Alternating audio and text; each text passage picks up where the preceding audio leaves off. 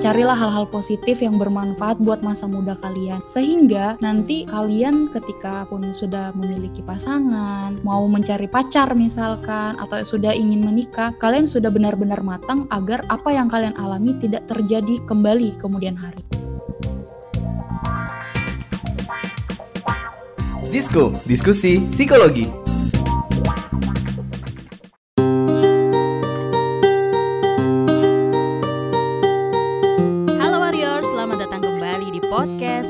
Disco, diskusi psikologi persembahan Into the Light Indonesia. Hapus stigma, peduli sesama, sayangi jiwa. Jangan lupa selalu jaga kesehatan ya. Oh ya Warriors, kalian pernah gak sih merasa gagal dan jatuh gitu? Dan bisa dibilang kita mengalami masa-masa terpuruk. Dan gimana sih kalian itu bisa bangkit dari masa-masa itu? Kalau aku sendiri dulu pernah merasa terpuruk karena suatu hal dan aku bisa bangkit itu karena memang kemauan aku sendiri. Aku nggak mau terus-terusan terpuruk jadi ya aku move on aja. Tapi kalau ngomongin soal titik terendah dalam hidup di podcast Disco kali ini, kita bakal ngebahas tentang gimana caranya bangkit dari keterpurukan dan berdikari. Berdiri di atas kaki saudari sendiri. Nah, di sini nih kita udah kedatangan seorang psikolog yang bakal membantu menjelaskan gimana bisa ngebuat diri kita itu bangkit setelah mengalami keterpurukan mental. Halo Kak Vera, apa kabar? Oh, baik, apa kabar juga? Sehat. Kak Vera Itabiliana ini adalah seorang psikolog yang sedang membuka praktek di Lembaga Psikologi Terapan UI, kemudian juga Rumah Anak Mandiri Depok, Tiga Generasi Kemang, dan juga Ruang Tumbuh Pondok Labu. Bener ya Kak Vera ya? Betul. Nah selain Kak Vera, di sini kita juga ada seorang penutur kisah yang bersedia loh untuk membagikan kisah perjuangannya. Ada Vina di sini. Halo Vina, apa kabar? halo kabar baik Nah, Vina ini adalah seorang mahasiswa perguruan negeri di Jakarta yang juga bekerja sebagai digital marketing. Vina ini juga seorang survivor dari Be Home Indonesia, komunitas yang menaungi anak-anak broken home. Well, Vina, sebelum uh, kita ngobrol sama Kak Vera, Aku mau tanya sama Vina dulu nih, boleh diceritain gak sih seperti apa sih titik terendah di dalam hidup kamu? Kalau titik terendah dalam hidup aku itu waktu itu saat aku tahu aku bertumbuh tanpa kedua orang tua yang selalu ada buat aku. Karena posisinya saat itu papa mamaku berpisah setelah aku lahir dan itu umur aku waktu itu baru satu bulan. Satu bulan lahir jadi papa mamaku berpisah dan uh, papaku memilih hidupnya sendiri. Kemudian mamaku harus banting tulang kerja keras untuk menghidupi kami anak-anaknya karena aku adalah anak bontot dari delapan bersaudara dan setelah aku lahir kedua orang tua aku pun berpisah dan hanya aku satu-satunya yang tidak merasakan ketuhan keluarga seperti itu sih. Terus bagaimana kamu akhirnya bisa berhasil bangkit dari keterpurukan itu, Vin? Kalau boleh dibilang sih uh, saat itu aku dewasa dan belajar menerima kenyataan itu karena keadaan. Jadi benar-benar harus uh, banyak bersyukur karena setelah aku tumbuh dewasa aku melihat ternyata aku nggak sendiri. Banyak yang sayang sama aku itu sih yang bikin aku lebih banyak bersyukur sampai bisa ada di hari ini. Tapi kalau faktor pendukung gitu yang bisa ngebuat kamu bisa bangkit kembali dari keterpurukan itu tuh biasanya apa yang kamu rasakan? Faktor-faktornya itu dari mana? Uh, teman sih, teman, keluarga, bener-bener lingkungan sih yang paling mendukung sehingga aku bener-bener survive sampai hari ini. Dan kalau di komunitas Be Home ini gimana kamu bisa akhirnya ikut membantu teman yang lain juga yang merasa terpuruk dan akhirnya bangkit dan berdikari? Yang paling ini banget sih di Bihome kalau Bihome itu kan benar-benar banyak banget anak-anak dengan pengalaman yang sama dengan uh, mungkin agak berbeda sedikit saja mungkin. Tapi intinya sama-sama terlahir dari keluarga yang broken home. Kemudian sih paling aku tuh paling lebih nekenin ke anak-anak yang masuk dalam komunitas Bihome ini untuk lebih percaya diri terus banyak bersyukur dan uh, yang paling penting adalah mencintai diri sendiri. Karena ketika orang tua berpisah, itu yang tanpa orang tua sadari adalah memberikan dampak negatif pada anak-anak. Mungkin banyak anak-anak yang korban broken home ini menjadi uh, menyalahkan diri sendiri, hmm. kemudian kurang menerima diri sendiri, tidak mencintai dirinya sendiri sehingga hmm. mengalihkan pandangannya pada hal-hal yang lebih negatif. Nah, seperti itu. Uh, Vina, kalau kamu bergaul atau berteman itu kamu lebih selektif nggak sih? Memilih teman yang seperti apa? Apa untuk menjadi teman kamu gitu untuk teman mungkin bisa mencurahkan isi hati kamu mungkin dengan kondisi yang sedang kamu alami saat itu? Kalau dulu sangat selektif banget karena uh, kebanyakan kan gini kalau di masyarakat itu sudah muncul pandangan bahwa oh anak broken home itu pasti nggak benar. Anak broken home itu punya pandangan negatif dan mengalihkan pandangannya atau uh, kesehariannya pada hal yang negatif yang bikin dia bisa happy. Kalau untuk dulu memang benar-benar aku akan berteman dengan orang-orang yang mengalami kisah yang sama yang sama-sama broken home. Tapi ternyata setelah aku tumbuh dewasa aku berpikir bahwa ternyata aku nggak harus membatasi pertemananku hanya pada circle seperti itu gitu loh. Hmm. jadi aku harus berteman lebih banyak lagi untuk tahu uh, dunia itu luas banget gitu loh. Dan banyak banget orang-orang yang hebat yang bisa kita jadikan motivasi hidup sehingga kita nggak hanya terpaku bahwa oh aku sangat menyedihkan. Hmm. aku berada di keluarga broken home. Aku nggak bisa berkembang. Padahal ketika kita banyak bergaul kita akan uh, menambah wawasan kita sehingga kita bisa lebih menggali potensi-potensi apa sih yang ada di dalam diri kita Terus yang jadi tantangan buat kamu untuk bangkit itu apa? Hal yang paling sulit kamu lakukan untuk mau bangkit tuh aduh susah banget gitu. Itu apa tuh, Vin? Gimana ya? Itu sih biasanya karena melihat orang lain kadang kadang insecure? pengen bangkit tuh ya agak insecure hmm. sih. Jadi mungkin aku karena dari kecil papaku kan meninggalkan keluarga itu dari aku masih kecil banget dan aku tuh cuman bertumbuh dengan kakak dan mami. Mami aku pun itu aku jarang ketemu waktu masih kecil karena mami udah berangkat kerja subuh, pulangnya udah malam, aku udah tidur jadi jarang ketemu. Jadi ketika dari kecil itu aku mau ngambil raport aja itu kan biasanya harus ada orang tua. Aku harus nungguin sampai mami pulang kerja baru bisa ngambil raport. Jadi hal-hal yang seperti ini yang bikin aku insecure kok orang lain bisa ya uh, ambil raport bareng sama orang tuanya. Ada ada ayahnya, ada ibunya, hmm. atau kayak wisuda mungkin uh, ada orang tuanya yang mendampingi. Cuman uh, saat ini uh, mami aku kan udah nggak ada mami aku udah meninggal. Dan papa aku tuh pun hidup dengan kehidupannya sendiri. Jadi aku benar-benar merasa insecure ketika tidak didampingi oleh orang tua lengkap seperti itu sih. Nah tapi Vina dengan kondisi yang bisa dibilang zaman now zaman sekarang gitu ya media sosial pasti Vina juga punya dong. Nah kalau Vina sendiri menurut Vina nih media sosial tuh buat kamu itu seperti apa perannya gitu. Apakah menolong terus untuk um, cara kamu menyampaikan sesuatu kah dengan media sosial itu seperti apa? Atau mungkin ada saran juga kalau untuk warriors yang lain gitu yang lagi mendengarkan mungkin kalau menggunakan media sosial seperti apa supaya mereka itu tidak malah jadi tambah pusing dengan masalahnya. Bahkan bisa lepas dari masalahnya mungkin bisa ikutan bangkit seperti Vina juga. Itu ada pendapat dari Vina nggak? Uh, kebetulan Vina kan memang kerja di digital marketing. Yes. belum lama sih ada udah setahun. Tapi ketika aku join di perusahaan digital digital marketing ini hmm. aku belajar banyak hal bahwa tidak semua uh, di media sosial itu buruk dan bukan berarti di media sosial itu apa pun yang diberitakan sudah pasti 100% valid karena banyak hal yang sebenarnya bisa kita saring. Intinya kembali ke kita. Uh, media sosial itu salah satunya menjadi sumber inform informasi banget sih sebenarnya. Mhm. Nah, ini uh, ketika kita menanggapinya positif, maka dampaknya ke kita akan menjadi menjadi motivasi gitu loh, agar kita nggak ketinggalan sama perkembangan zaman. Jadi kita harus lebih sering update tentang apa sih yang berkembang di dunia media sosial seperti itu sih. Jadi media sosial mungkin kalau orang-orang mungkin senang berbagi, bercerita di media sosial karena memang media sosial itu pada hakikatnya mungkin lebih sering untuk pamer ya, ajang pamer seperti itu. Ajang pamer atau memang ya. lebih mudah untuk mereka mengekspresikan memberikan something ya, gitu betul. ya di situ ya. Tetapi sebenarnya ketika uh, eh, namanya media sosial itu kan karena dia dibentuknya digital, jadi ketika kita flash, kita udah maju nih lima tahun ke depan dan tiba-tiba kita flashback, oh iya saya waktu di media sosial saya sebelumnya lima tahun lalu tuh ternyata saya seperti ini gitu loh. Justru di situ saya pribadi pun langsung melihat bahwa ini jadi acuan saya untuk lebih baik hari ini gitu. Jadi media sosial itu nggak selamanya buruk sih. Justru uh, menjadi motivasi buat kita uh, banyak hal-hal positif yang bisa kita kita ambil gitu loh.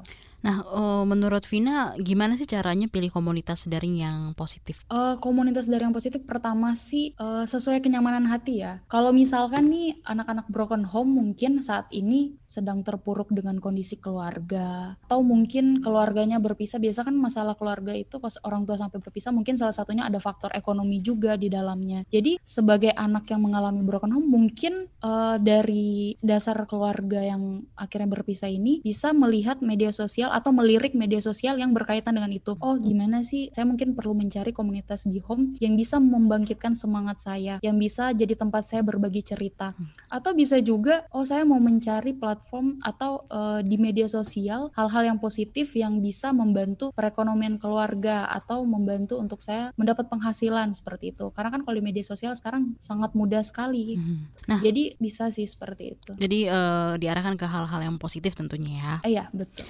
Apa yang bisa kamu bagikan ke teman-teman yang lain yang saat ini mungkin sedang mengalami kondisi yang serupa? Uh, buat teman-teman yang mengalami kondisi serupa atau saat ini lagi down banget, paling penting kalau untuk saat ini mungkin ya anak milenial untuk di masa hmm. anak-anak zaman sekarang lah seperti itu mungkin disebutnya anak milenial. Uh, paling penting adalah jangan sampai anak eh, anak-anak yang mengalami broken home juga melakukan hal yang sama. Jadi mungkin paling penting banget sih kalau untuk uh, sekarang sudah bukan hal yang tabu ya untuk pendidikan tentang sexuality. Terus mungkin gaya pacaran anak sekarang sudah sangat jauh berbeda dengan anak-anak zaman dulu. Jadi ini sangat penting sekali sih untuk diedukasikan kepada teman-teman. Mungkin yang bisa saya sharing juga buat teman-teman di Bihome itu jangan sampai kalian menikah saat kalian belum siap. Itu penting banget. Jadi selama masih muda nikmati aja masa mudanya. Carilah hal-hal positif yang bermanfaat buat masa muda kalian. Sehingga nanti kalian ketika pun sudah memiliki pasangan, mau mencari pacar misalkan atau sudah sudah ingin menikah, kalian sudah benar-benar matang agar apa yang kalian alami tidak terjadi kembali kemudian hari. Seperti itu sih saya tekankan buat teman-teman yang mengalami kondisi serupa. Jadi selama masih muda nikmati sebaik-baiknya dan ya, dimanfaatkan ya, dengan baik banget. tentunya ya. Uh, ini luar biasa sekali uh, cerita dan juga pengalaman dari Vina. Thank you banget. Nah kita mau tanya sama Kak Vera nih. Halo Kak Vera. Ya halo. Kak Vera, uh, hmm. aku mau nanya nih bisa nggak sih seseorang itu menyadari kalau dia itu lagi mengalami kondisi yang terpuruk di dalam hidupnya dan berapa besar peluang seseorang seseorang itu untuk bisa bangkit dan uh, berdikari gimana Kak Vera? Oke, kalau ditanya sadar apa enggak sih harusnya uh, sadar ya karena kan kondisi terpuruk sedang berada di, di, di titik terendah tuh pasti tidak nyaman ya. Di fisiknya pun tidak nyaman. Jadi tidak hanya secara emosi, misalnya susah tidur gitu ya, mungkin pola makannya juga berubah gitu. Terus ada rasa gelisah, pikiran negatif, emosi negatif pasti uh, banyak bermunculan. Jadi pasti disadari gitu ya ya bahwa saya memang tadi yang seperti dikatakan Vina tadi mungkin ketika dia merasa insecure melihat teman-temannya ada orang tuanya utuh dan sebagainya itu kan dia sadari betul kan ada rasa tidak nyaman di dalam dirinya dia. Dan kalau ditanya apa bisa nggak sih bangkit sendiri berdikari? gitu bisa sekali gitu ya bisa sekali sangat bisa gitu. Karena e, manusia itu kan sebenarnya sudah di-equip sudah dilengkapi dengan berbagai macam kemampuan yang mungkin kita sendiri aja nggak tahu sampai wah, itu, udah dibutuhin gitu ya kadang kadang-kadang kita nggak tahu kalau kita tuh sebenarnya kuat ketika uh, beban yang berat itu datang gitu ya hmm. sehingga kadang-kadang kita mikir ih ternyata gue bisa ya gue lewat juga ya gitu ya gue uh, kuat juga ternyata nah itu hmm. nah tapi ada sebagian yang memang tidak seperti Vina tadi ya Vina kan bisa sendiri tapi ada sebagian juga yang memang butuh dibantu untuk bisa bangkit kembali gitu. tapi kalau kita lagi mengalami hal ataupun juga mengalami keterpurukan itu apa yang bisa kita lakukan hmm. untuk bisa terlepas atau keluar dari keterpurukan yang lagi kita alamin atau titik terendah okay. itu tadi tadi kalau dengar ceritanya Vina ya lebih gampang dari ceritanya yeah. Vina tadi Vina tuh sudah memberikan poin-poin step-stepnya bagus banget kalau menurut saya gitu ya. Jadi hmm. memang yang pertama ini dilakukan adalah acceptance dulu, menerima dulu kondisi yang memang uh, ada sekarang gitu ya. Memang kondisinya terberi seperti ini. Oh ya, saya hidup dengan single mom gitu ya. Saya uh, anak paling terakhir, kondisinya seperti ini. Menerima dulu kondisi seburuk apa pun itu. Jadi harus ada acceptance. Nah, ini butuh proses ya kadang ada orang yang uh, dia bisa terima sekarang terus habis itu muncul ada gejolak lagi dia marah lagi denial lagi kenapa saya harus begini? Kenapa orang lain bisa begitu? Saya nggak bisa gitu hmm. kan. Itu pasti ada perlawanan-perlawanan seperti itu lagi. Tapi kalau kita mau menghabiskan energi kita untuk marah untuk hmm. menentang untuk ya ada beberapa yang marah mungkin sama Tuhan Tuhan kenapa kau jahat banget? Saya dikasih hidup seperti ini gitu ya. Kalau energinya dihabiskan situ kita juga lemah apa uh, lelah gitu ya. Uh, dan nggak maju-maju karena habis uh, waktunya dan energinya untuk marah terhadap kondisi sekarang. Jadi poin pertama adalah harus acceptance dulu memang menerima keadaan, lalu fokus pada apa yang kita punya. Si Vina, Vina juga tadi melakukannya. Ternyata walaupun saya orang tua saya tidak utuh, banyak kok orang yang sayang sama saya gitu ya kan. Hmm. Jadi dia fokus pada apa yang uh, ada di sekelilingnya. Jadi fokus pada right here right now. Nah, begitu sudah muncul rasa uh, nyaman sedikit, nah kita bisa tuh take over hmm. gitu ya. Nah, ini sering kali yang klien-klien saya juga banyak uh, yang di usia remaja gitu ya. Mereka tuh banyak punya emosi negatif atau pikiran negatif yang mengganggu sehingga membuat tidak nyaman. Nah, sebenarnya kalau disadari kan pikiran sama emosi itu adalah bagian dari diri kita. Istilahnya mereka numpang deh di dalam diri kita. Sehingga kita yang punya kendali. Nah, begitu once kita sudah lebih fokus pada right here right now, kita sudah punya power tuh untuk take over, untuk meng, apa menangkis si pikiran negatif itu. Eh, kamu minggir dulu deh, saya mau maju gitu ya. Uh, saya mau fokus sama hidup saya supaya lebih baik, supaya tadi seperti Vina bilang, keluarga saya nanti sendiri juga akan lebih baik gitu. Saya tidak akan mengulangi uh, kesalahan yang sama dari orang tua saya dulu. Nah, seperti itu jadi step-stepnya. Jadi lebih uh, kepada kita harus mampu memaafkan diri sendiri dulu ya yang penting. Memaafkan diri sendiri dan memaafkan orang-orang yang kita anggap sebagai sumber masalah ya, sebagai sumber kenapa situasinya seperti ini gitu. Mungkin ini tidak berdamai mudah, dengan tapi, diri sendiri mungkin lebih tepatnya gitu kali ya, ya Mbak Vina. Ya? Berdamai dengan Mbak diri Vera. sendiri mm -hmm. juga uh, memaafkan ya tadi seperti Vina mungkin untuk uh, ayah ya, untuk bapak yang pergi meninggalkan terus uh, tidak kembali lagi. Nah, itu memang butuh waktu dan tidak mudah gitu. Tapi kalau kita, kalau saya boleh contoh kan kan timeline hidup kita tuh kayak tali ya, mm-hmm. kayak tali. Setiap peristiwa itu kayak talinya menyimpul. Kalau itu uh, peristiwanya atau masalahnya selesai, talinya lurus lagi. Nah, kalau nggak selesai, itu akan tetap berupa simpulan. Terus kan talinya jalan terus tuh. Nanti ada masalah lagi, nyimpul lagi. Terus nanti uh, kebayang nggak nih kalau yeah. saya terangkan begini? Terus nyimpul lagi. Nanti lama-lama talinya akan jadi pendek ya kan? Itu yes. akan menghambat kita untuk nyampe ke tujuan yang sana yang mm-hmm. kita mau capai karena hmm. ketarik untuk terbuat simpulan-simpulan tadi. Nah, simpulan-simpulan ini sebenarnya bisa selesai dengan ya tadi uh, berdamai dengan diri sendiri, memaafkan. Hmm. Sudahlah yang yang sudah sudah yang hmm. saya mau lebih baik ke depannya. Gitu. Tapi bisa nggak sih kak kalau kita itu bangkit dengan sendirinya tanpa bantuan orang lain atau memang harus dibantu sama orang lain kah? Atau setiap orang itu berbeda-beda punya caranya masing-masing atau gimana? Uh, bisa bisa untuk bangkit sendiri. Vina contohnya, Vina sudah hmm. mencontohkan gitu ya. Hmm. Uh, ada sebagian yang memang butuh tenaga profesional seperti psikolog atau psikiater untuk bangkit gitu ya atau konselor gitu untuk bangkit. Nah, begini, biasanya di setiap situasi sulit itu akan lahir individu-individu yang kuat tuh. Jadi yang resilient, yang tangguh. Ada beberapa indikator yang bisa mendukung terciptanya atau munculnya individu-individu ini. Ada eh, asal ada satu figur yang memang konsisten selalu hadir dalam hidupnya dia. Kalau dalam Vina eh, di Vina mungkin bisa ibu ya, bisa ibu yeah. atau kakak yang selalu ada konsisten gitu ya, hmm. yang memberikan perhatian, memberikan rasa cinta sehingga dia tetap bisa masih bisa berdiri. Nah, di apa di kasus-kasus lain mungkin bisa ini guru ya. Ada klien saya itu figur yang konsisten selalu hadir di dunianya adalah guru gitu, konselor gitu ya, bisa om atau tante gitu. Jadi di luar orang tua. Pandangan Kak Vera sendiri dengan adanya komunitas Be Home untuk ngebantu hmm. anak broken home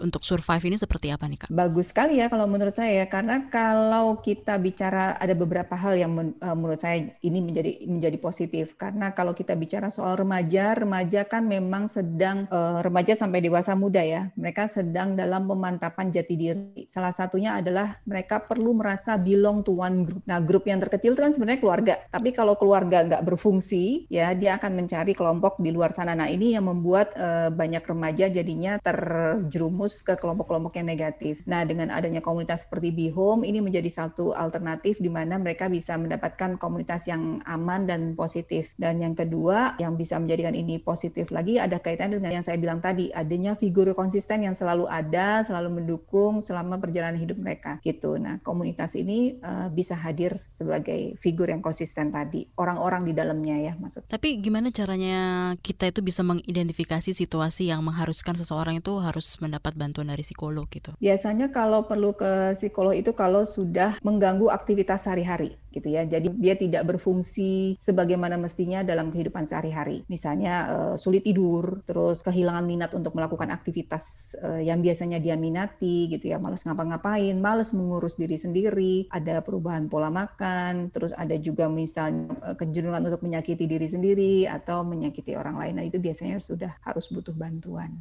Kalau anak yang broken home perlu ke psikolog kah atau gimana? Kalau di, di merasa perlu uh, boleh aja, hmm. tapi kalau misalnya memang ada figur-figur lain yang bisa melindungi, memberikan hmm. perhatian uh, pada anak ini, uh, ya bisa bantuannya bisa didapatkan dari situ. Oke, okay. terima kasih banyak untuk waktunya Mbak Vera dan juga Mbak Vina yang sudah mau ikutan ngobrol di Disco Diskusi Psikologi hari ini. Semoga selalu sehat ya. Thank you ya Mbak Vina. Ya, terima Mbak Vera. kasih. sehat semua. sehat semua ya. Oke Warrior, sampai di sini dulu podcast Disco kali ini. Thank you juga untuk Vina dan Kak Vera yang sudah bersedia untuk sharing pengalaman dan pengetahuannya tentang bagaimana caranya bangkit dari keterpurukan dan juga bisa berdikari di episode kali ini. Dan thank you juga buat kamu yang udah mau mendownload dan mendengarkan mendengarkan podcast ini. Dengan mendengarkan podcast ini, semoga ya kita bisa membantu menghapus stigma di masyarakat, lebih peduli terhadap orang-orang di lingkungan sekitar, dan tentunya jangan lupa juga untuk selalu menyayangi jiwa sendiri. Sampai ketemu lagi di episode selanjutnya. Dengarkan di kabarprime.id. Gue Naomi, pamit undur diri dulu. Dadah.